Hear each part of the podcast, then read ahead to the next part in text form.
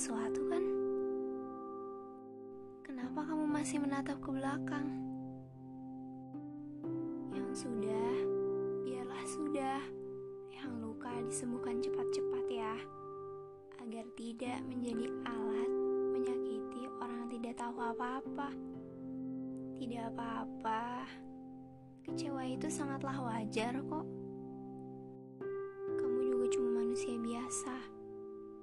Seorang manusia yang sejujurnya tidak bisa berbuat apa pun jika takdir bilang harus iya.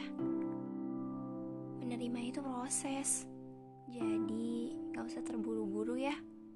Yang terpenting lukanya sembuh, yang terpenting kamu bisa kembali utuh. Jangan bilang nanti gimana. Apa kita punya kesempatan untuk kembali sebahagia dulu apa enggak? Fokuskan dengan apa yang sekarang seharusnya difokuskan. Buang semua kemungkinan pemikiran negatif itu ya.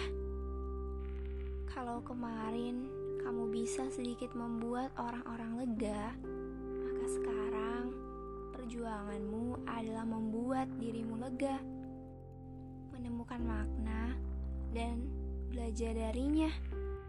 Jangan terlalu keras sama diri sendiri ya.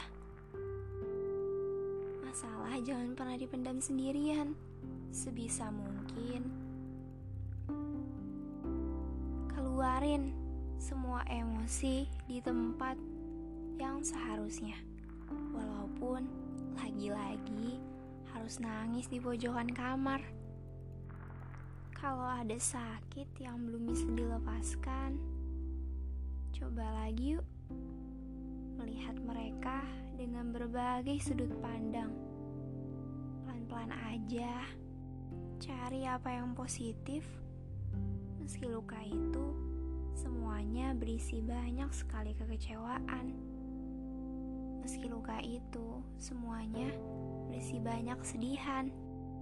Anggaplah situasi ini sebagai arena berlatih untuk nanti bisa lebih tangguh dan bisa lebih bersikap bijaksana dalam menyikapi kehidupan.